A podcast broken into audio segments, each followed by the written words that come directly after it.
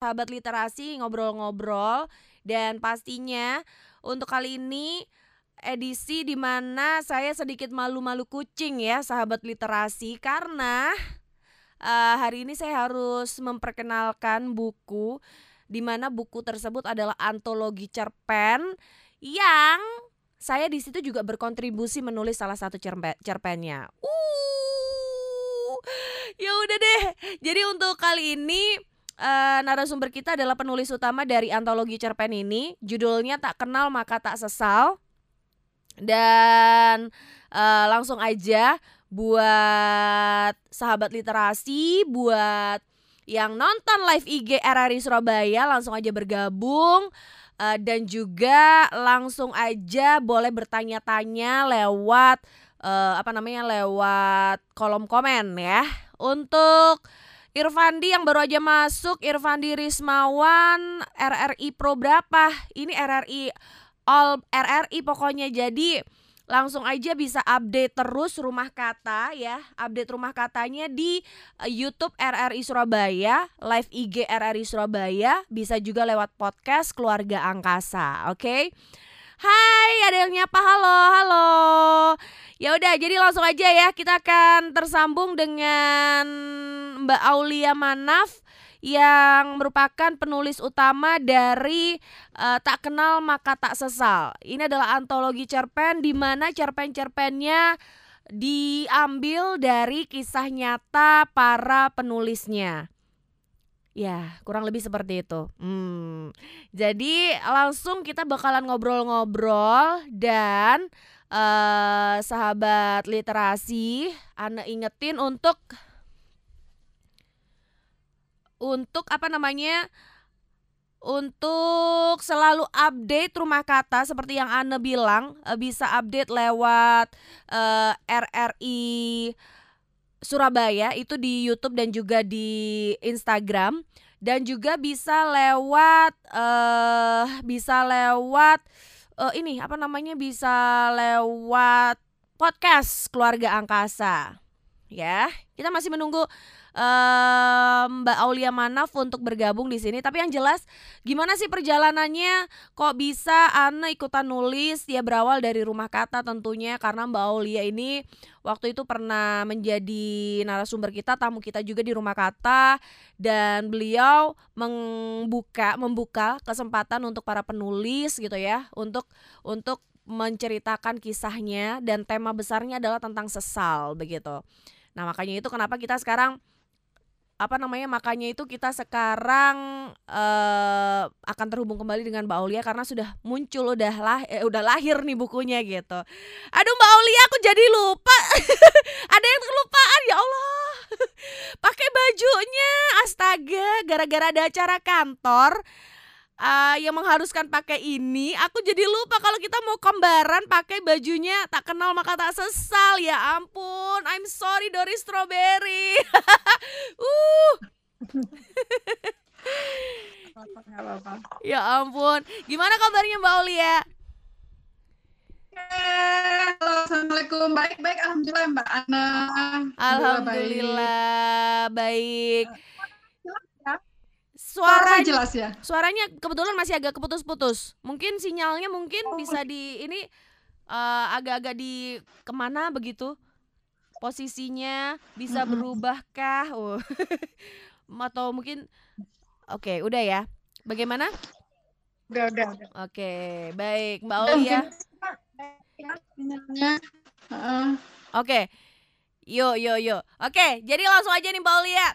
Kita uh, kenalan nih sama sahabat literasi. Weh, memperkenalkan, tak kenal maka tak sesal. Apakah Mbak Aulia pegang bukunya?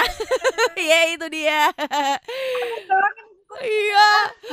Aku nih mengandung mengandung ini loh sahabat Buddha eh, sahabat literasi jadi mengandung agak-agak lola juga nih kayak gini nih. Lupa ya kan. Jadi uh, waktu itu order nih bukunya karena udah udah banyak yang beli gitu kan tapi aku lupa order untuk diriku sendiri jadi aku nggak punya sekarang makanya aku lagi nunggu orderan yang baru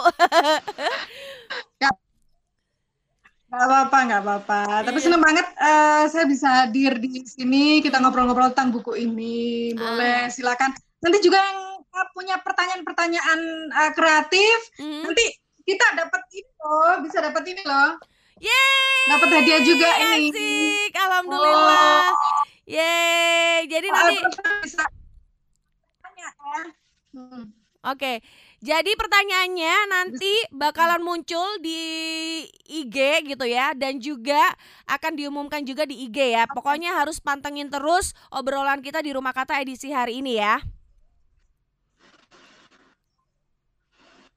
Hmm, hmm. Baik, baik. Oke, Ya, Mbak ya, ya. Gimana nih ceritanya nih? Eh, boleh diawali dulu dengan cerita seorang Aulia Manaf, bagaimana bisa punya ide untuk mengajak para penulis untuk menulis. Bahkan eh, kalau Ane lihat itu eh, bukan eh, semuanya dari kalangan penulis begitu ya. Jadi benar-benar eh, ada yang baru pertama kali menulis seperti Ane gitu ya, akhirnya bergabung untuk eh, menulis cerpen dan eh, jadilah buku begitu tak kenal maka tak sesal.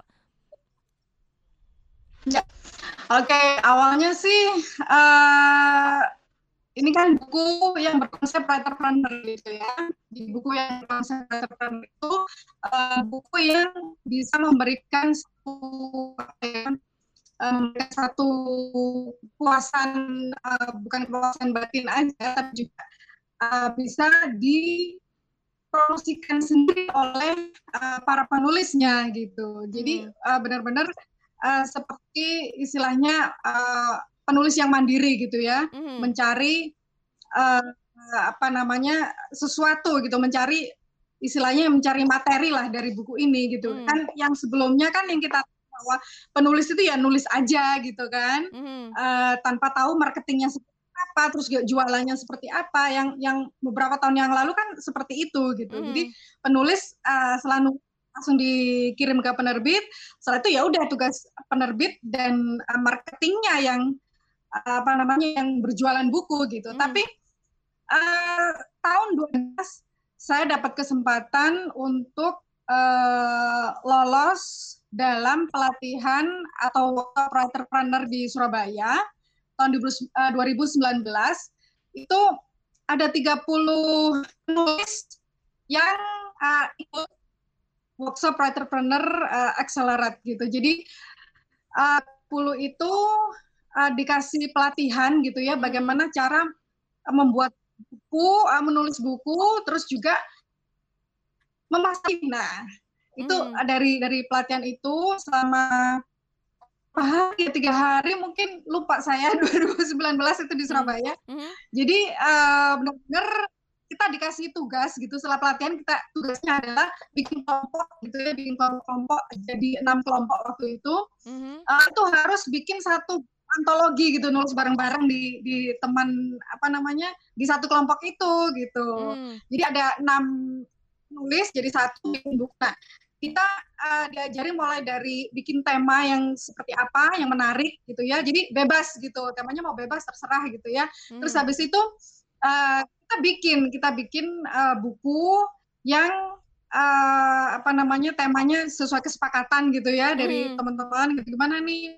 Terus eh, muncullah yang kita kasih judul kapan hari itu rasa yang tak pernah pergi bukunya. Itu tentang samudra tentang eh, laut gitu. Jadi temanya tentang laut. Mhm. Nah, dari tahun 2019 itu ah, saya punya keinginan untuk gimana sih ah, saya bisa bikin buku juga gitu ya antologi tapi kisah nyata gitu. Itu kan yang yang, pertama sama teman-teman itu uh, fiksi gitu. Jadi Mhm. cerpen fiksi gitu. Nah jadi tahun 2020 kemarin Mhm. itu saya ingin membuktikan bahwa saya bisa gitu. Jadi berangkat dari situ saya ingin membuktikan kalau saya, saya bisa deh kayaknya gitu bikin antologi kisah nyata bareng teman-teman. Mhm. Eh, saya tawarkan ke pada saat itu 2020 eh, itu judulnya Unboxing Soulmate itu gitu. Jadi eh, itu buku antologi yang eh, saya bikin temakan temanya sendiri terus saya juga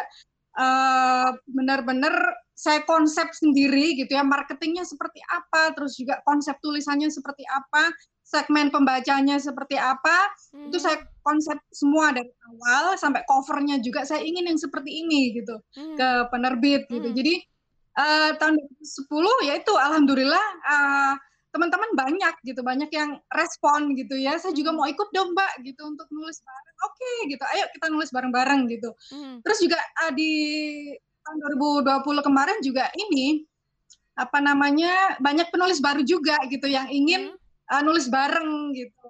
Makanya setelah itu setelah unboxing soulmate saya bikin ini lagi soalnya ada beberapa teman yang uh, tertarik juga ingin nulis gitu termasuk Mbak Ana kan Iya.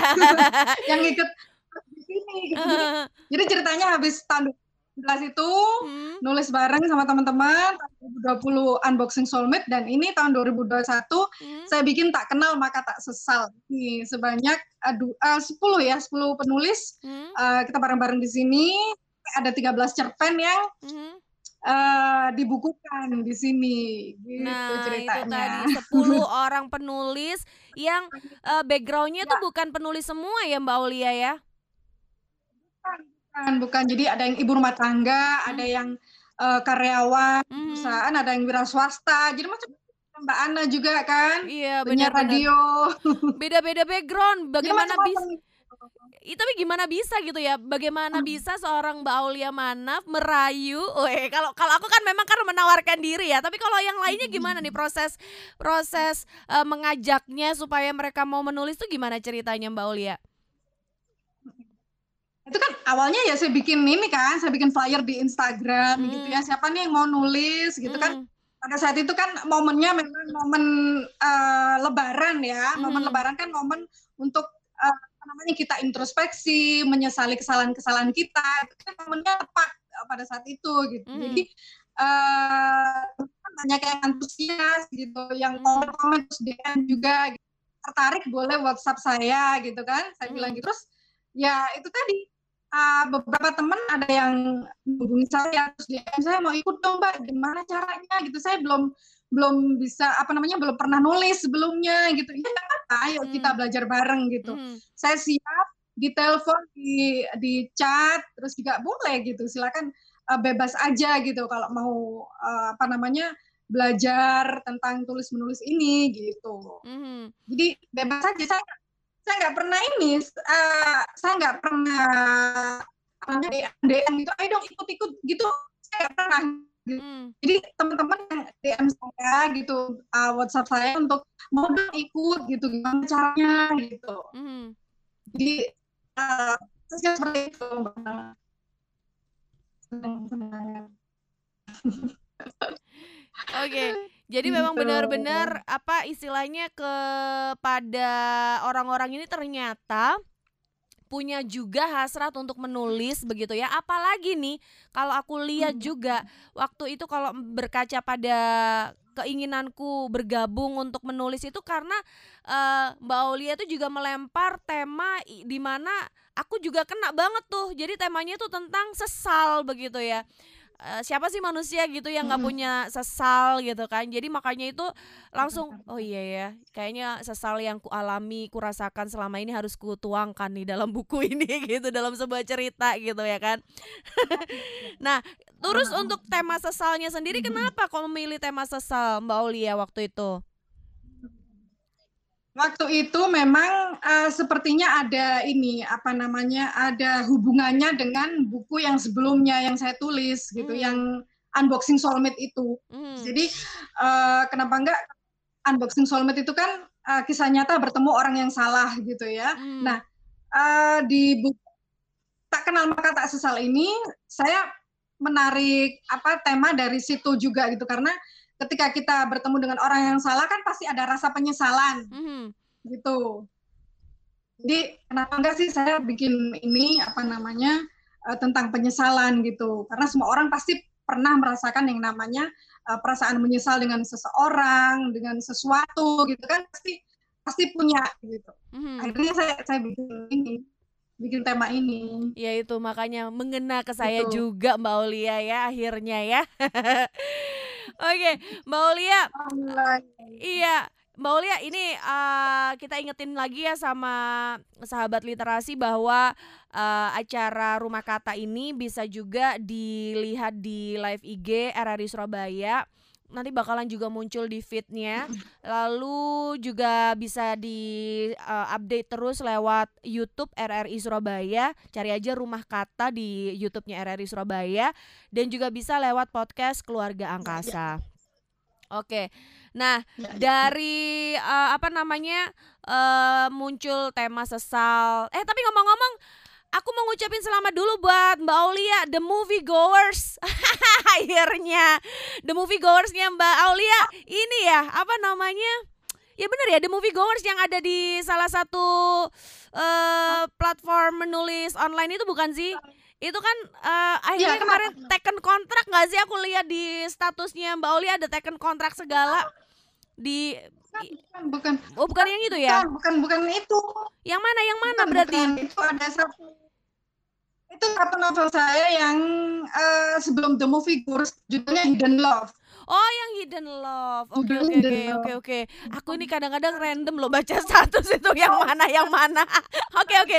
Jadi Mbak Olia itu menang uh, menang lomba apa gitu ya? Lomba penulisan cerpen gitu, ya kan? Terus akhirnya taken kontrak dan sama salah satu penerbit gitu ya. Hmm, itu penerbitnya uh, ini di Malang. Penerbitnya di Malang. Oh, iya iya iya gitu. iya. Dan Love itu saya ikutkan ke sayembara gitu kan ada ada banyak novel yang dikurasi gitu ya. Terus hmm. uh, saya terpilih menjadi lima lima yang terbaik terus dibukukan gitu. Oh, iya tuh gitu. kan. Seru banget. Eh Mbak, tapi aku mau tanya Judulnya nih. Hidden Love. Hidden Love ya, bukan yang The Movie Goers ya. Ah. Karena saking banyaknya nih, ternyata Mbak Mbak Olia itu juga aktif menulis di salah satu pl uh, platform menulis yang ada di apa platform bacaan lah novel di uh, online gitu ya. Novel cerpen gitu ya kan. Nah, uh, apa namanya Mbak Olia itu gimana sih uh, apa namanya uh, perbedaannya ketika kita kalau kayak Mbak Olia yang sekarang itu yang menang lomba itu yang akhirnya tekan kontrak dengan uh, kalau kayak kita ini yang kemarin uh, dapat penerbit indie gitu. Itu beda ya mbak ya? Secara proses ininya loh proses apanya ya? Secara proses uh, proses produksi gitu. proses uh, apa aja pak? Uh, gimana gimana? Boleh diceritain dong behind the skin behind the scene-nya gitu.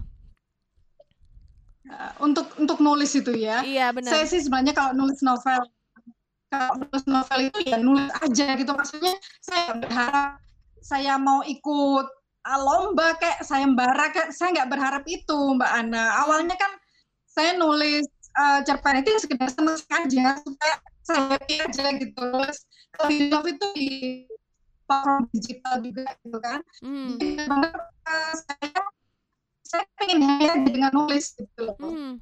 sebagai apa ya memuaskan lah memuaskan keinginan saya untuk nulis cerita mm yang saya suka gitu jadi mm uh, waktu itu juga ini ya pertama saya sudah nulis di platform digital udah, udah udah tamat sih udah tahun 2020 hmm. itu mbak mm. terus baru ini aja ada penerbit di lomba itu lomba apa namanya uh, kirim novel itu ya udah saya coba kirim aja gitu mm. ternyata uh, di dipilih jadi besar itu ya nggak apa-apa alhamdulillah gitu. Karena kan uh, itu sebenarnya penerbit tinggi mbak. Tapi penerbit tinggi yang memberikan fasilitas khusus untuk penulis gitu.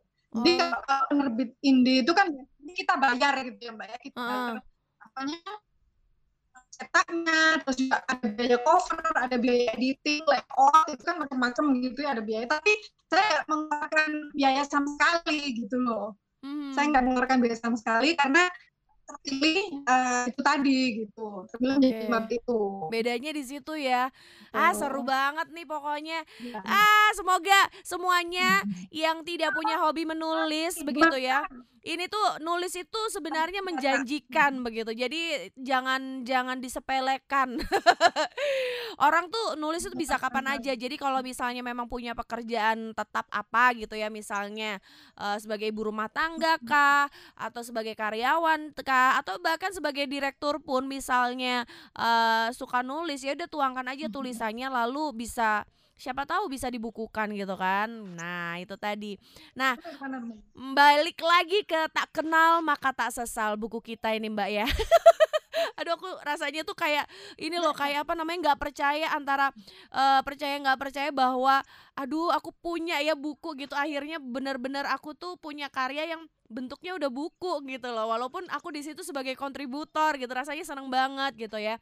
Nah Mbak untuk apa namanya tak kenal maka tak sesal itu kan banyak eh, penulisnya ada 10 ada perbedaan karakter pastinya di antara satu penulis dengan penulis lainnya.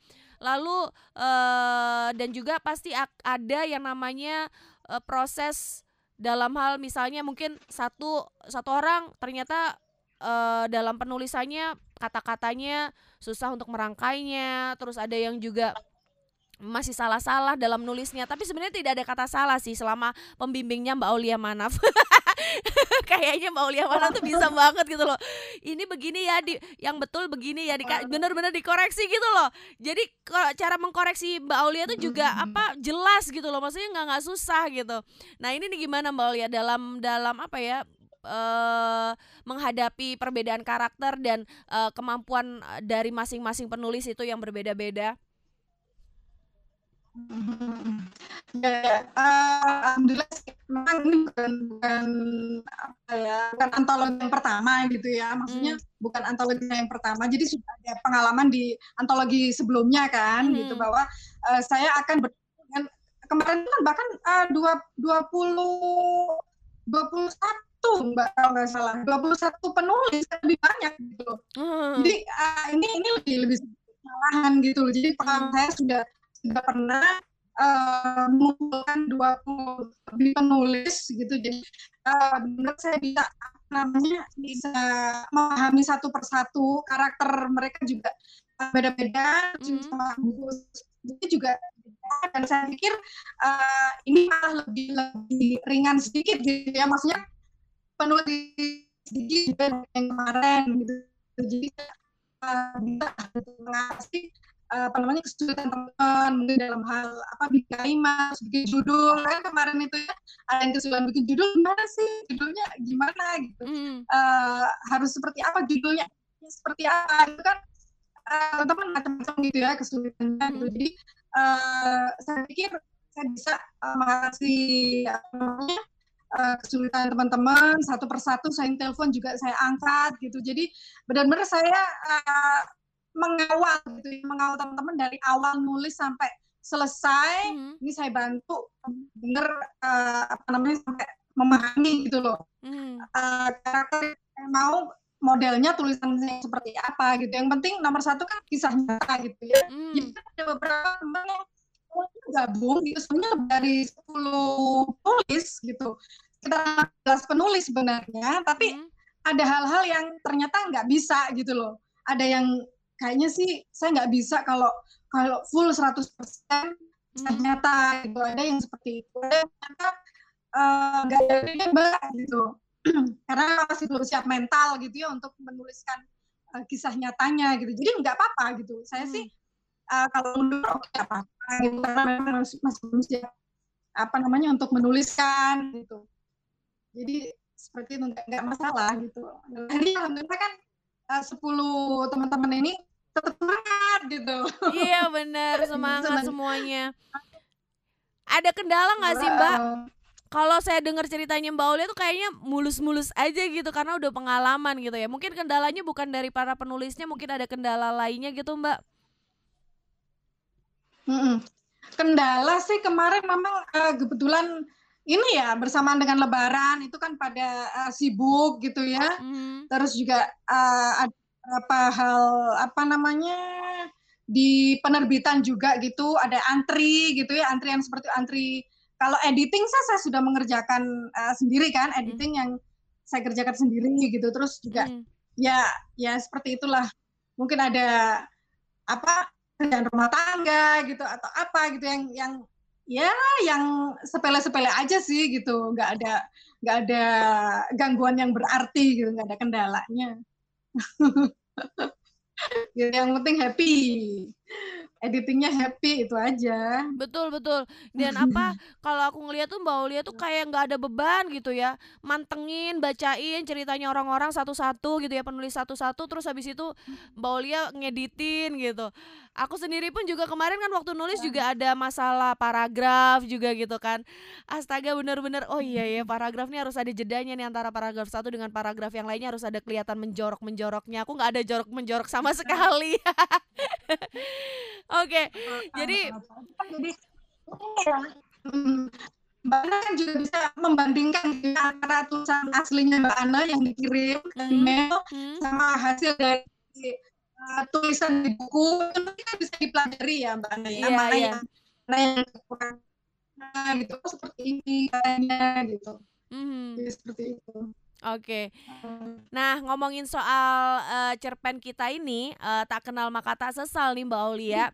Apa sih yang pengen ditawarkan sama apa namanya sama pembaca gitu? Eh, ngapain sih ngomongin soal sesal-sesal gitu? Mungkin siapa tahu begitu ya.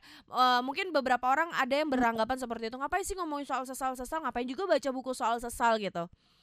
Apa nih yang pengen eh, message-nya ada untuk eh, buku antologi cerpen ini? Eh, tak kenal maka tak sesal. Hmm. Ya, pesan yang ingin saya sampaikan itu sebenarnya uh, sederhana gitu ya, bahwa uh, penyesalan itu adalah tentang uh, waktu gitu. Hmm. Ada hubungan dengan waktu. Karena kalau kita nggak nggak cepat menyesali kesalahan-kesalahan kita gitu, karena uh, waktu itu akan terus berjalan dan uh, pada saatnya ya sudah gitu, waktu habis. Dan itu tetap akan jadi penyesalan ketika kita sudah meninggal misalnya gitu. Jadi kita harus uh, benar-benar memahami di mana kesalahan kita. Karena banyak yang uh, sadar gitu ya akan kesalahan tapi ya terus aja dilakukan gitu. Jadi kenapa sih kita nggak nggak uh, berhenti gitu ya? Berhenti menyesali uh, semuanya. Setelah itu introspeksi dan kembali ke jalan yang benar gitu. Kembali uh, kita memberikan apa namanya uh, melakukan waktu ini dengan baik gitu. Jadi harus benar-benar kita uh, gunakan waktu kita dengan baik, jangan sampai menyesal di kemudian hari dan akhirnya terlambat gitu. Hmm. Boleh di spoilerin sedikit dong, Mbak. Kira-kira untuk cerita-ceritanya yang ada di eh, apa namanya di antologi cerpen Tak Kenal Maka Tak Sesal ini apa aja gitu. Saya soalnya kemarin sekilas melihat dari daftar isinya karena jujur seperti yang eh, aku bilang tadi di awal bahwa aku order tidak order untuk diriku sendiri tapi order orang-orang yang beli gitu kan. Astaga aku bego banget gitu kan. Aku sendiri sampai belum baca loh Aku padahal pengen. Aku lagi menunggu yang baru ini Orderan yang baru. Jadi eh, apa namanya? Ya ini dalam minggu ini Mbak, Mbak Ana, dalam minggu ini Asik akan datang. Iya iya iya. Jadi itu apa namanya Di daftar isi tuh aku kayaknya melihat itu sekilas kemarin Itu kalau nggak salah itu sesalnya tuh dibagi-bagi lagi. Ada sesal keluarga ada sesal apa sesal apa gitu. Itu itu itu gimana eh, gimana mbak mbak Aulia memilah-milahnya? Dan ceritanya kurang lebih boleh di spoilerin dikit-dikit dong mbak Aulia. Ini uh, sebenarnya kan saya uh, awalnya kan menerima aja gitu ya. Maksudnya awal pada awalnya nggak ada ini, nggak ada saya bagi-bagi ini kan nggak ada gitu loh. Nggak, saya kan nggak tahu dia cerita dari teman-teman seperti apa. Nah, Hmm. setelah masuk uh, 13 cerpen ini, nah baru saya bisa uh, memilah-milah gitu loh. Ternyata di teman-teman ini ada tiga pokok bahasan penting dari uh, buku ini. Gitu. Ternyata ini tentang uh, kebodohan manusia, tentang penyesalan-penyesalan uh, secara umum, gitu ya. Kedua, uh, penyesalan bertemu dengan seseorang tak kenal kata sesal ini adalah uh, mengenal seseorang gitu. Maksudnya intinya mengenal seseorang ternyata uh, betul gitu. Terus yang ketiga adalah uh, sosok yang mulia sosok yang mulia ini ya kedua orang tua kita gitu. Ya tiga pokok bahasa itu yang saya pilih uh, dari cerita teman-teman itu mana yang saya masukkan ke tentang kebodohan manusia terus juga tak kenal maka sesal terus juga sosok yang mulia ini jadi ada kalau uh, kebodohan manusia ini satu dua ada lima cerpen Mhm. terus juga kalau tak kenal maka sal ini ada satu dua tiga empat lima lima Mhm. cerpen juga. Terus kalau yang mulia ini salah satu punya Mbak Ana ya, yang judulnya Rahasia Ayah itu ada eh, empat ya, ada oh ada tiga, ada tiga cerpen di situ tentang eh, bercerita tentang orang tua, Eh, penyesalan kita kepada orang tua Mhm. gitu. Jadi eh, macam-macam topiknya gitu yang yang diangkat sama teman-teman penulis Mhm. gitu. Banyak banget ya. Lebih banyak condong ke yang mana? Yang ke tentang kebodohan manusia atau yang mulia atau yang gimana? Hmm.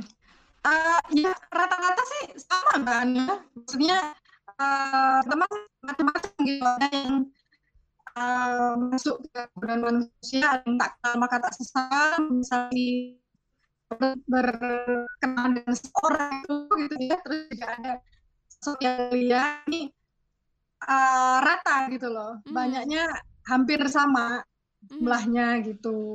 Hampir sama ya jumlahnya. seneng-seneng. Seneng banget. Oh iya, waktu itu kalau ini hmm? Monggo monggo Mbak, Mbak Gimana? Aulia dulu aja yang ngomong. Nah, jadi ini eh, teman-teman yang eh, mengirimkan ke saya itu benar-benar memang paham gitu ya tema penyesalannya itu akan ditulis eh, temanya tentang apa. Mhm. Itu saya memberikan eh, kebebasan teman silakan mau tulis tentang apa, Mhm. penyesalan kepada siapa itu boleh gitu kan. Mhm. Akhirnya terkumpul ini dan ternyata juga seru gitu loh, seru banget ceritanya yang tentang apa namanya eh, penipuan gitu. Saya menuliskan yang yang pertama ini yang di eh, tema pertama itu tentang eh, penipuan seseorang gitu ya. Mhm. Terus ada Bu Lala ini tentang eh, tragedi apa namanya eh, tiket kereta gitu ya. Mhm. Terus juga Pak Suki eh, salah satu yang cowok di sini ya. Mhm. Pak Subhan ini tentang uh, kebodohan manusia itu uh, kebodohan atau cerita-cerita masa lalunya gitu. Mhm. Ini kisah nyatanya Pak Subhan masa lalunya ketika uh, SMA, terus juga setelah SMA Mhm. seperti itu.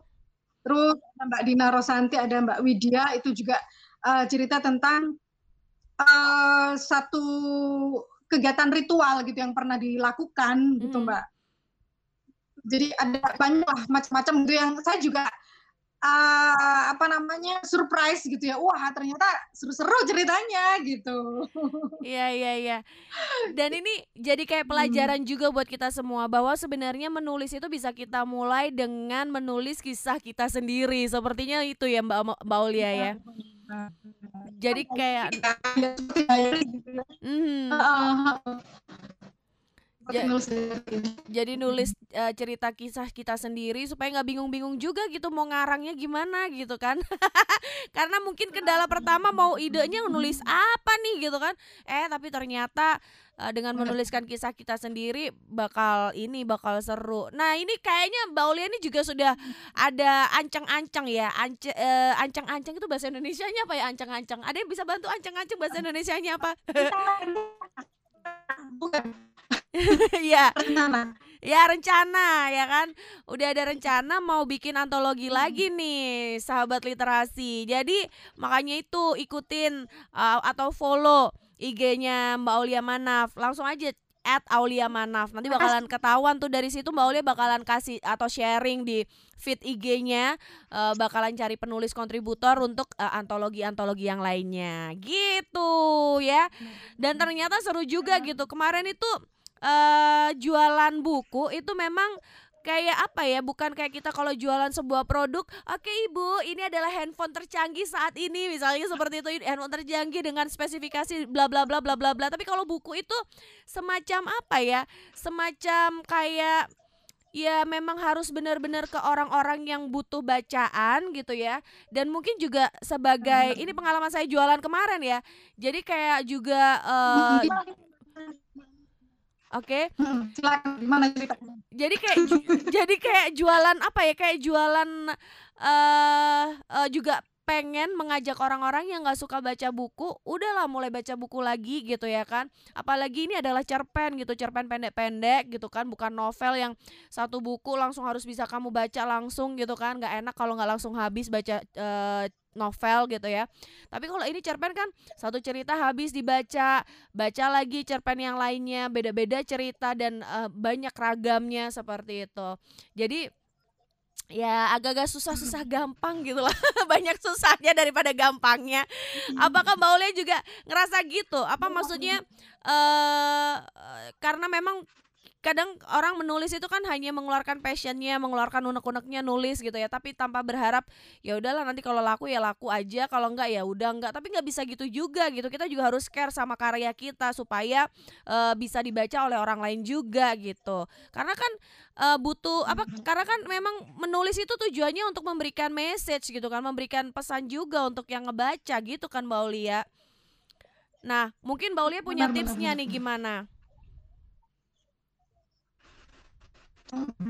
Untuk untuk ini ya uh, maksudnya menawarkan buku itu ya maksudnya. benar iya jualan buku tuh gimana gitu hmm, ya kalau, kalau menurut saya sih memang uh, memang susah ya mbak ya apalagi di zaman yang uh, pandemi seperti ini itu kayaknya memang nggak mudah gitu untuk hmm.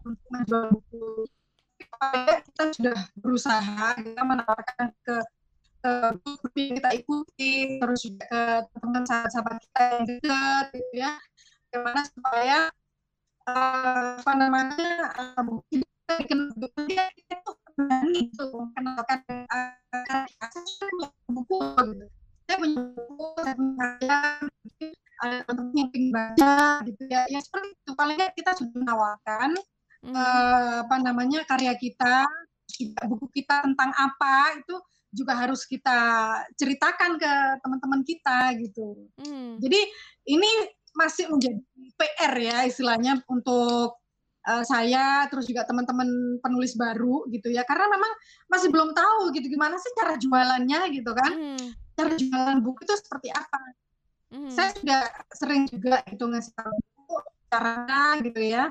Uh, dengan cara bikin apa namanya di layar itu saya bikin ini kan quote gitu ya atau di dalam buku ini gitu ya di dalam buku ada ada cuplikannya gitu ini ada ada semacam cuplikannya ya mbak Ana ya hmm. nah ini kan saya posting untuk promosi buku kita hmm. oh buku ini tentang ini buku kenapa itu tentang ini ini gitu hmm. jadi atau bikin puisi gitu saya kan seneng gitu ya bikin hmm. puisi tentang penyesalan gitu ya. Hmm. Terus juga uh, bikin foto-foto tentang apa yang ada hubungannya tentang penyesalan. Nah, seperti itu. Jadi teman-teman tahu gitu. Oh, ternyata ini ya uh, bukunya tentang ini gitu. Jadi paling enggak kita sudah memberikan uh, apa informasi gitu ya kepada teman-teman kita di di grup atau teman-teman kita yang sahabat-sahabat uh, kita yang dekat gitu ya. Oh iya ini uh, apa namanya uh, Mbak Lia ini sudah nulis buku baru gitu. Itu aja sudah sudah bagus gitu loh untuk teman-teman yang lain juga gitu loh. Hmm. Saya kan selalu ngasih ini ya motivasi itu aku semangat gitu ya. Di foto dong bukunya ini aja dia foto sama buku gini aja kan susah kan kayaknya teman-teman ya. Sama bukunya ini loh foto sama buku gitu ya. Agaknya kok masih belum sangat ya teman-teman gitu. Padahal uh, kita berfoto bareng dengan karya kita aja itu sudah menunjukkan kalau kita uh, percaya diri gitu dengan karya kita gitu.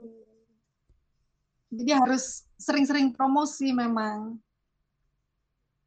Iya benar. Gitu, Jadi harus sering-sering promosi gitu. dan juga apa namanya uh, apa ya apalagi ya promosi nggak cuma sekedar dari media sosial dari mulut ke mulut gitu ya uh, dan juga dari apa namanya mungkin juga minta bantuan call a friend, call a friend. Eh ini loh aku udah jualan buku nih, aku habis nulis nih gitu. Apalagi kan uh, apa namanya uh, baru pertama kali ini gitu kan nulis gitu kan ini sesuatu hal yang baru juga gitu. Terus akhirnya banyak yang mulai oh iya iya oh anak nulis nih anak nulis nih gitu jadinya.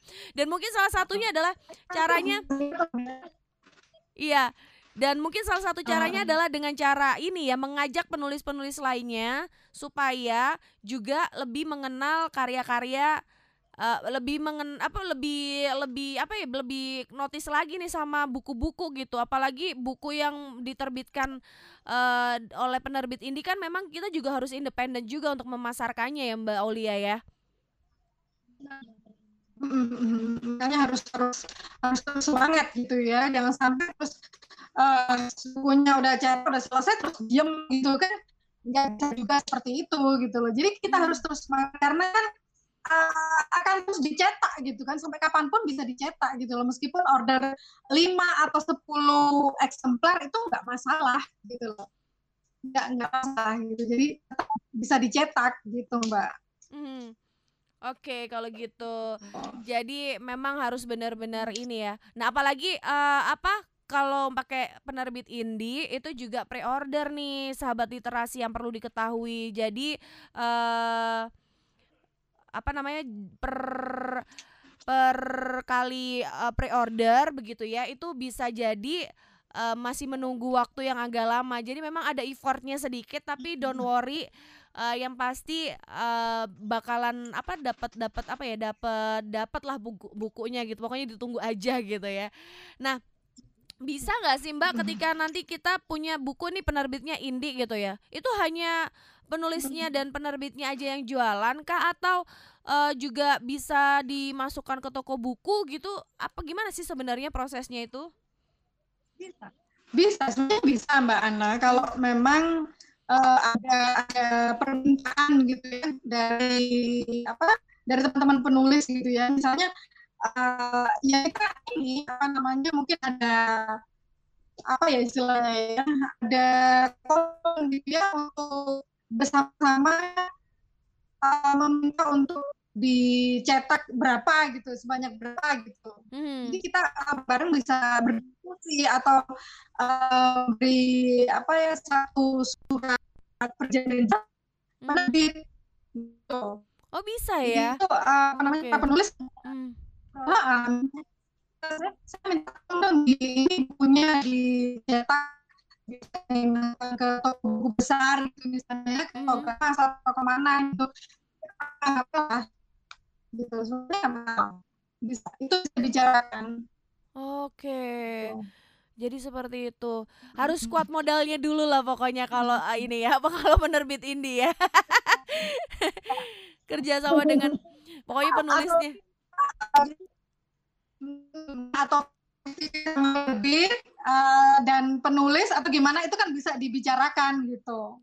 Oke. Wah seru nih. Aku kayaknya punya gambaran pengen tuh Mbak. Ayo kita masukkan ke toko buku mana gitu Mbak. boleh nih, boleh, boleh. Iya, iya, iya. Oke. Nih terakhir nih kita udah di segmen terakhir nih Mbak Mbak Olia. Uh, perjalanan tak kenal maka tak sesal ini memang baru baru saja dimulai begitu ya. Kemarin kita sudah pre-order dan ini akan memasuki pre-order keduanya gitu ya. Nah, uh, harapannya untuk uh, karya-karya berikutnya ini gambarannya bakalan ke mana nih Mbak? Ke cerpen atau ke novel atau bagaimana nih nanti? Saya pribadi atau yang Hmm. Yang yang mana? Yang ini yang uh, tak kenal maka uh, apa untuk Mbak Mbak Aulia sendiri. Mbak Aulia sendiri gimana nih nanti? Kan kalau tak kenal maka tak sesal, dia sekarang lagi proses nih, proses untuk apa ya? Proses untuk uh, lebih banyak dikenal begitu ya. Uh, mungkin uh, harapan ke depannya adalah gimana caranya uh, para masyarakat gitu tahu uh, tak kenal maka tak sesal. Tapi untuk Mbak Aulia sendiri ke depannya bakalan ada proyek apa lagi ini yang di lagi dinanti-nanti nih? Iya, kalau untuk uh, tak kenal maka tak sesal ini sebenarnya saya pengen ada ini nih Mbak Ana. Apa namanya kayak uh, apa ya ngobrol lagi ngobrol bareng sama teman-teman yang lebih banyak gitu maksudnya ngobrol langsung ya teman-teman langsung di di satu tempat gitu ya. Kan mas masih ini ya masih pandemi gitu ya mungkin beberapa bulan di depan gitu kita ingin ngobrol gitu kita hmm. ngobrol tentang uh, buku-buku ini buku-buku kalau misalnya termasuk yang ini juga. Saya pengen uh, pengen bareng gitu loh gimana kalau teman-teman juga uh, mungkin ada teman-teman yang ingin join nulis juga gimana sih caranya bikin cerpen kisah nyata itu seperti apa. Jadi ngobrol seputar penulisan kita ngobrol bareng gitu loh ada hmm. berapa orang gitu ya sih seperti itu gitu. hmm. terus kalau uh, saya sendiri sih juga ini dalam bulan depan itu yang apa itu misalnya cetak gitu ya hmm. terus kalau untuk antologi baru kayaknya setelah setelah ini aja apa namanya setelah novel saya dicetak tuh nggak bentrok bentrokan. Iya benar benar jadi nggak bentrok. Uh. jadi gantian gantian. Gantian ya. Oke deh semoga karya Mbak Olia uh, yang akan dicetak ini bisa lancar, sukses dan pastinya akan ada lagi proyek-proyek yang melibatkan penulis-penulis lainnya dan saya pasti akan ikut. Pede banget sih Ana ini. Okay, harus ikut ya Mbak Ana ya. Oke. Ya. Oke. Ya udah Mbak Olia makasih ya atas waktunya sudah mau bergabung di Rumah Kata. Thank you, thank you, thank you, makasih. Oke, sampai ketemu lagi nanti Mbak Olia. Bye bye. Assalamualaikum. Waalaikumsalam. Yeah.